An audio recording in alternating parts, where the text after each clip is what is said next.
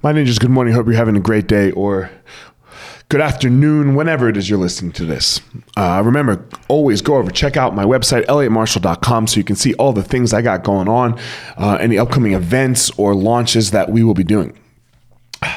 So, what I want to talk about today, man, I was ju- I, I listened to John Danaher a lot when he when he talks about uh, jiu-jitsu and improving and it, it's not just about the improving of jiu-jitsu right like th- this is how it should be done everywhere he he talks about this idea all the time of when when you only have a minimal amount of time right? You, let- let's say you train jujitsu three times a week.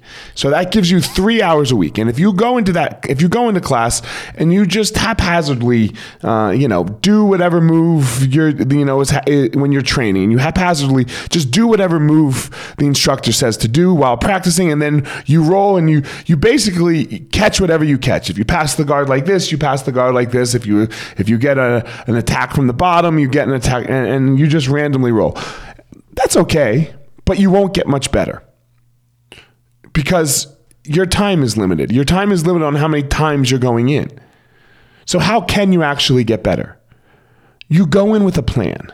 You say, okay, for the next month, I'm going to work on my knee slice guard pass and armbar from side control. And you're only allowed to do those things.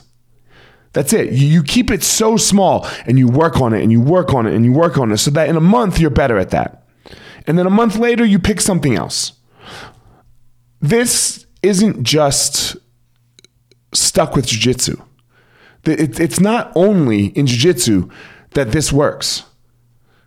Whatever you're working on, don't look so large. Don't look big and say, I'm going to work on everything. No, get better at one little thing of it and just do it over and over and over and over again.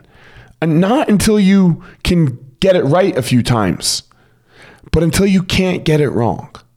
And then once you do that, you do it again and you do it again and you do it again. Now, you're not going to see this grandiose improvement in your overall ability in a month, in two months. But give it six months, give it a year, give it two years, give it three years, and watch how far ahead you get than the competition. It comes down to can you do that?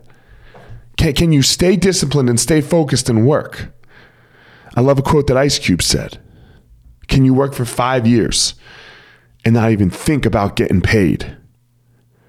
So that at the end of that five years, you get paid for real.